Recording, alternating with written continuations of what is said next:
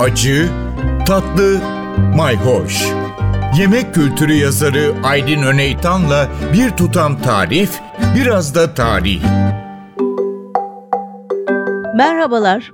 Geçen hafta ıspanak konusunu Mevhibe İnönü'nün kendi el yazısıyla tuttuğu yemek defterinden bahsederek bitirmiştik.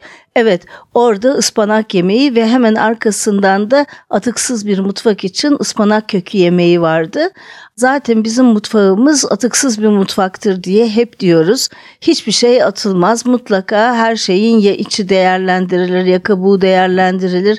En az ziyan e, verecek şekilde mutfakta her şey ayarlanır. Kalmış yemeğin ertesi güne e, mutlaka bir kullanım alanı çıkar. Ya çorbaya girer ya köfteye girer. Mesela pirinç pilavı kaldıysa veya bulgur pilavı kaldıysa ertesi gün ya köfteye girer ya başka bir yemeğin içine girer ya da çorbaya girer. Evet bana bunlar ev ekonomisi konusunu hatırlattı. Aslında şöyle bir şey var tabii. Eskiden de yiyecekler çuvallarla hasat zamanı sonucunda evlere alınırdı. E, tabii eski Türk tipi geleneksel evlerden bahsediyorum.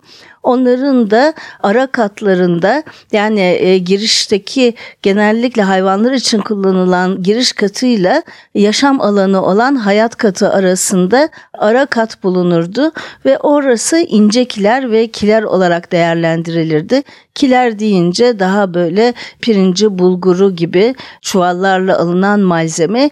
ince kiler ise turşu, reçel, sucuk, pastırma, zeytin yani bir yerde de kahvaltılıklar gibi bu tür yiyecekler.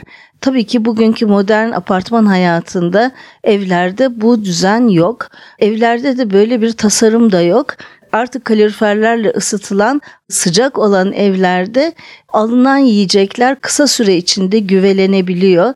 Bir anlamda yiyecekler aldanıp da çiçek açan e, ağaçlar gibi, meyve ağaçları gibi döngüsünü şaşırıyorlar. Hemen güveleniyorlar ya da çimleniyorlar.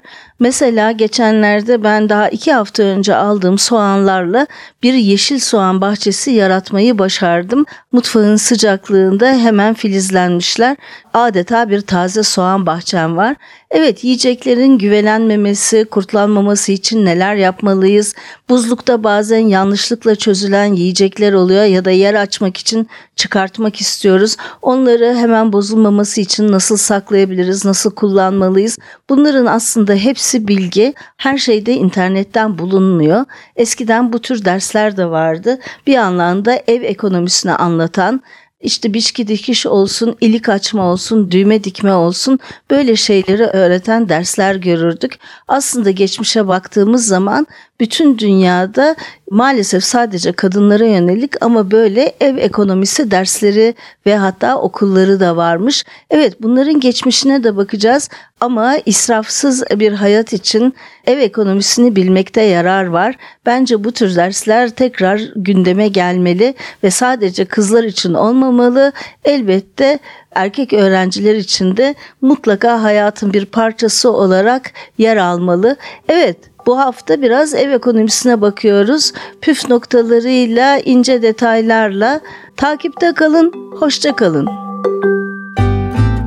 Bir tutam tarih, biraz da tarif. Aydın Öneytan'la Acı Tatlı Mayhoş Arşivi ntvradio.com.tr adresinde Spotify ve podcast platformlarında.